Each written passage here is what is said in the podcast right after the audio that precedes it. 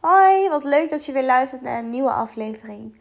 In deze aflevering wil ik het graag hebben over mijn verhaal, wie ik ben, waar ik vandaan kom en hoe dat ik ben geworden tot de persoon die met dieren praat en met dieren communiceert en dieren heelt. Al vanaf jonge leeftijd was ik altijd al met dieren in de weer. Toen ik drie jaar was, uh, trok ik mijn opa altijd mee of hij nam mij mee naar de manege, want ik wilde altijd zo graag met bij de paarden zijn. Ook op driejarige leeftijd kreeg ik een eigen hond. Nou, Mickey, onze golden retriever, wat echt een goed zak zelf was. En mijn beste vriend. Mijn ouders waren op jonge leeftijd gescheiden, dus ook toen ik drie was. Waardoor ik best wel veel alleen was. En mijn moeder die was emotioneel uh, ja, moest heel veel dragen. Ze moest veel werken om ons te onderhouden. Ze kreeg een nieuwe vriend en die vond mij eigenlijk niet zo, niet zo leuk. Die vond kinderen niet zo leuk. Ehm, en wij woonden daar wel bij, samen met de hond. En nou, ik, ik voelde altijd al de, ja, de stress eigenlijk hè, van, de, van, de, van de volwassenen, om het zo maar te zeggen. Heel veel kinderen die voelen dat. Van hè, de emoties, de, de misplaatste emoties die de ouderen niet uitspreken die voelen kinderen. En dieren natuurlijk ook. Dus ik trok me altijd terug en ging er altijd met de hond spelen. We hadden een hele grote tuin. En ik was altijd in die tuin met die hond hele verhalen aan het vertellen tegen die hond. En hij luisterde. Hij luisterde gewoon. Hij was daar. En ik wist altijd hoe dat die hond zich voelde. Als hij buikklachten had van verkeerd voer of als hij um, de stress van mijn moeder oppikte. Dat kan bij dieren ook echt op het lichaam inwerken. Dat, dan voelde ik dat en dan wist ik weer hoe laat het was. En ik kon dat niet goed uitleggen aan mijn moeder. Maar toch begreep ze me wel ergens. Dus hij was de allereerste hond die mij leerde van... hey, het is oké, je mag emoties laten zijn en uh, luisteren. En gewoon zijn in het hier en nu. Dat is zo belangrijk en dat verzacht zoveel pijn. Dus die hond, die, die, ja, ik wist altijd al hoe dat hij zich voelde. Hij wist hoe dat ik zich, mezelf voelde. Dus wij waren eigenlijk twee handen op één buik. En nou, dat ging zo jaren door. Totdat um, mijn moeder eindelijk besefte van... hé, hey, ik moet voor mezelf kiezen en ik moet voor mijn kind kiezen. Dus zijn we weggegaan bij die uh, man. En toen zijn we ons eigen leven gaan opbouwen. En toen kregen we nog een hondje erbij. Genaamd Chica. Chica die kennen jullie wellicht wel van mijn uh, stories en van mijn uh, site. Chica, Chica is een Stafford. En ook Chica heeft mij ontzettend veel geleerd over dierencommunicatie. Want een Stafford en een Golden Retriever, qua karakter waren ze allebei heel erg anders. En toen wij Chica kregen was Mickey al oud. En Mickey die liet heel duidelijk weten dat hij eigenlijk dat hij klaar was, dat hij niet meer wilde en dat hij alles had gedaan voor ons. En dat het echt zijn tijd was om te gaan. En samen met mama hebben wij daar een beslissing over gemaakt en hebben we die hond met liefde laten inslapen. En het ging ook allemaal zo vredig en we wisten gewoon, ik wist gewoon precies wat ik moest doen. En natuurlijk had ik verdriet, maar ik wist waar dat hij naartoe ging. Want dat had hij me verteld, dat had hij me laten zien. In mijn dromen en in beelden. En nou, dat waren al de eerste tekenen van... hé, hey, ik, ik begrijp zoveel meer. En ik weet hoe dat ze zich voelen. En, en dat was op, op mijn leeftijd was, was niet normaal. Het was, was gek. Ik praatte daar ook nooit met iemand anders over. Totdat we Chica kregen. En Chica die daagde mij en mijn moeder echt heel erg uit om uit onze comfortzone te gaan. Om echt te gaan staan voor wie we zijn. En in je kracht te gaan staan. En Chica had een heel stoer uiterlijk. Maar echt een hart van goud. En dat schrikte heel veel mensen af. He, die komt aan met een Stafford. En zo, ze had ook een super hoog energielevel. Waar wij allebei niet zo goed wisten hoe dat we daarmee om moesten gaan op menselijk gebied. Dus daar kwamen ook heel veel uh, frustraties bij kijken. Echt heel veel frustraties. Van, goh, waarom doe je nou zo? En ik heb veel, veel, vaak veel en vaak op de grond gelegen. omdat de hond me omver trok. Ehm, maar ook dat heeft ervoor gezorgd dat ik de boodschappen van haar beter en beter kon begrijpen. Want het enige wat zij ons duidelijk wilde maken van hey, ga in je eigen kracht staan, claim je power, weet wie je bent, leef in het moment, leef in het hier en nu. En toen ik die boodschap, nou dat duurde een aantal jaar hoor, maar toen ik die boodschap eindelijk begreep, kon ik met haar alles. Ik kon met haar skileren, ik kon met haar fietsen, ik kon alles met haar. En dat is zo'n magisch gevoel dat je je hond begrijpt en dat je samen één team bent en ja, alles kan doen omdat de communicatie gewoon heel goed is. En daarnaast hadden wij nog steeds triggerpunten, want omdat Chica dus zo gevoelig was en wij niet zo goed wisten in het begin hoe dat we met haar om moesten gaan, hebben we verschillende bijtincidenten gehad, waardoor onze angst haar uh, onzekerheid uh, vergroten. Dus doordat wij haar nooit uh, de juiste sturing hebben kunnen geven met betrekking tot andere honden, is zij ons gaan beschermen. Omdat wij eigenlijk altijd zeiden van, oh, daar is een andere hond, voel ons niet veilig. En toen ging ze ons beschermen. Dus dat zie je in heel veel gevallen. Bij de meeste honden is het wel, met uitvalgedrag is het echt een, een, een wisselwerking, een spiegelgedrag. Dus daar heb ik ontzettend veel van geleerd. En toen kregen we Bullet. Bullet de Chihuahua. Ondertussen was Mickey al overleden. En Bullet de Chihuahua was weer een heel ander slag karakter. Een heel ander zieltje. En Bullet, nou die was, die is. En die nam het leven allemaal ja, heel simpel, heel die was, die was tevreden met, met een stukje karton, met een, een mini knuffeltje. Hij was overal tevreden mee. En nou, die was heel erg goed in het aarde. Dus de hoge energie van Chica, die kon hij weer. En mijn hoge energie, uiteraard, kon hij weer aarden. Dus zo hadden wij een hele mooie balans. Twee honden die ons, mij en mijn moeder destijds, heel erg steunden. En toen kwamen we op een periode dat mijn moeder ziek werd en kanker kreeg. En ja, na twee jaar vechten eigenlijk, moest ze de strijd opgeven. Heb ik haar moeten laten gaan. Toen was ik net 20 jaar oud dat ik haar moest laten gaan. En vanaf dat moment waren mijn emoties all over the place. Ik wist waar dat ze naartoe ging en ik wist dat het beter was voor haar dat de pijn en, en alle emoties en alle stress was haar gewoon te veel geworden. Dus ik wist dat het beter was voor haar. Maar toch, het is je moeder. Je moet haar laten gaan. En je ziet haar fysiek niet meer. Je kan haar niet meer knuffelen. Je kan niet meer tegen haar praten. Zonder dat je, hè, dat je antwoord krijgt. Dus het was een rollercoaster met betrekking tot mijn emoties en uh, verdriet en, en boosheid vooral ook.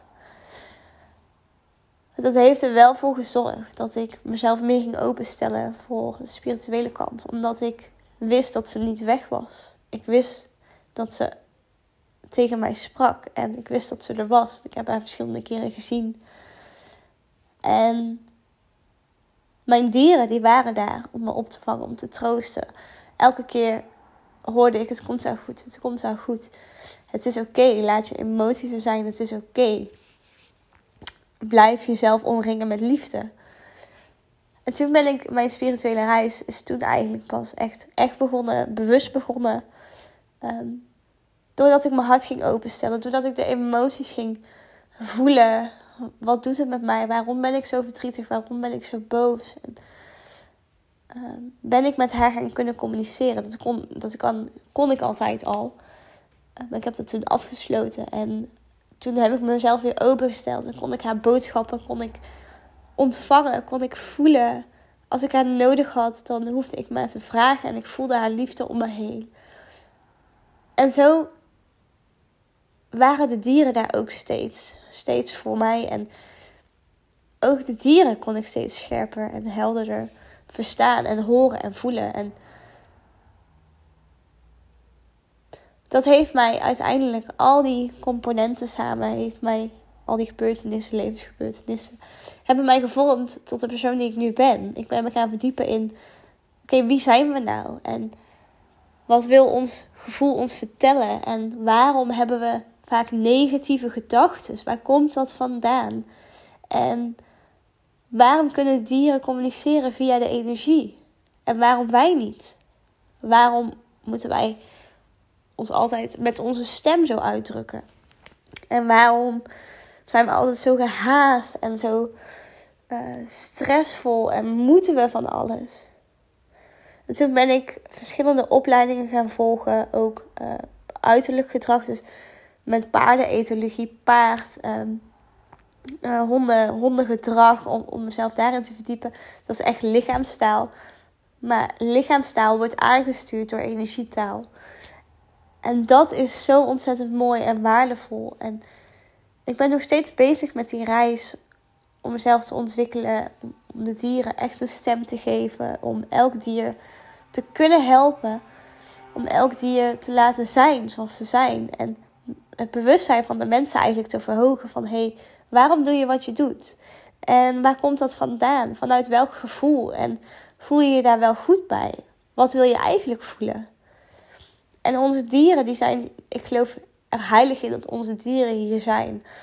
Dat een dier in je leven komt om jou te helpen. Om jou te helpen je bewustzijn te vergroten. Om jou te helpen om te voelen. Om jou te helpen op je hart te openen. En in ruil voor dat geven wij ze liefde, onderdak, eten. Ehm, maar een dier geeft eigenlijk zo ontzettend veel meer aan ons. Ze geven ons alles wat ze hebben. Ze geven onvoorwaardelijke liefde. En dat is onbetaalbaar. Echt onbetaalbaar. En dat vind ik zo mooi aan de dieren. Dat ze hoeven er niks voor terug. Ze zijn gewoon. Ze geven, ze geven, ze geven. En ze hoeven er niks voor terug. En daar kwam ik kijken. Want ik vind dat ze er wel iets voor terug mogen krijgen. Dus um, het stukje healen, uh, het verbinden, de energie weer herstellen. Wat ze kwijt zijn geraakt van zichzelf door een angst of een trauma. Of door menselijke uh, stressgebeurtenissen. Uh, door de energie weer te herstellen en ze weer in hun eigen kracht en licht te zetten. Ja, dat is wat, wat ik nu doe. En ja, ik kan ze natuurlijk nooit terugbetalen, om het zo maar te zeggen, voor wat ze allemaal voor mij hebben gedaan en wat ze nog gaan doen. Maar ik kan ze wel helpen om hun missie, hè, dus het bewustzijn van de mensen te helpen vergroten. De liefde in jezelf weer, weer aan te wakkeren en te, en te doorvoelen. Ik kan ze daar wel mee helpen. Dus ja, energetisch coach, energetisch healer, dierentolk. Dat is de persoon die ik vandaag de dag ben. En door al die gebeurtenissen, en, en dat is in iedereen zijn leven, je maakt dingen mee en die vormen jou tot de persoon die je nu bent. Ehm, en elke negatieve gebeurtenis, dat brengt je zoveel moois. Als je ervoor open staat. Als je ervoor open staat om te doorvoelen. Als je ervoor open staat om die boodschap erachter te ontvangen. En nog steeds ben ik elke dag lerende. Ook heb ik nu ondertussen een paard en die leert mij zo ontzettend veel over communicatie, over jezelf zijn, over echt die grootheid pakken. Hè? Dus doen wat je leuk vindt, in het moment leven. Zodra ik maar één seconde met mijn gedachten ergens anders ben, ja, dan, dan is hij weg. Dan zegt hij, nou, jij niet bij mij, ik ook niet bij jou. En even hard gezegd natuurlijk. Maar dat is wel hoe het werkt. Hij laat me zo zien van waar loop je letterlijk weg van jezelf. Al die gedachten die wij gedurende de dag hebben, dat zijn er ontzettend veel, die zorgen ervoor dat je eigenlijk wegloopt van je kern. Wegloopt van waar het leven eigenlijk om draait. Hè? Al die boodschappenlijstjes, alles wat je nog moet doen. En dat zorgt ervoor dat je op dat moment in de toekomst leeft of in het verleden en niet in het hier en nu. Waardoor je dus heel veel misloopt, eigenlijk, om het zo maar te zeggen. Waardoor je dus eigenlijk vergeet om te genieten. En dat doen onze dieren natuurlijk altijd. Ze zijn altijd in het hier en nu. of ze zijn daar lekker aan het snuffelen, want ze ruiken een geurtje. Of ze liggen lekker te zonnen in de zon. Of ze liggen lekker op de bank te tukken. Ze zijn altijd in het hier en nu. En dat is zo ontzettend mooi. En dat is iets waar wij, vind ik, heel erg veel van kunnen leren. Korte samenvatting, of ja, eigenlijk een lange samenvatting van wie ik ben, wat ik doe en waarom. En hopelijk ook een uitnodiging voor jou om te laten zien van hey, alles wat je hebt meegemaakt tot nu toe in negatieve zin en positieve zin. Dat kan je gebruiken om je te ontwikkelen, om, te gaan, om na te gaan denken van waar word ik nou echt gelukkig van? Wat wil ik doen? Wie ben ik? En jouw dier, die helpt je daarbij. Dus als jij negatieve emoties voelt, als je met je dier aan het wandelen bent of aan het rijden bent, vraag je dan eens af, wat zit erachter? Wat zit erachter waardoor ik me gefrustreerd voel of waardoor het een negatieve ervaring is? En wat wil je die eigenlijk duidelijk maken? Mocht je geïnteresseerd zijn in een gesprek met je dier of meer willen weten van waarom je dier reageert zoals hij reageert, dan kan je je aanmelden via Instagram, via de Animal Guidance, op een gratis uh, kennismakingsgesprek met mij en je dier. Zodat we samen kunnen gaan kijken waar komt het nou vandaan? Wat heeft je dier te vertellen? Welke boodschap heeft je dier voor jou?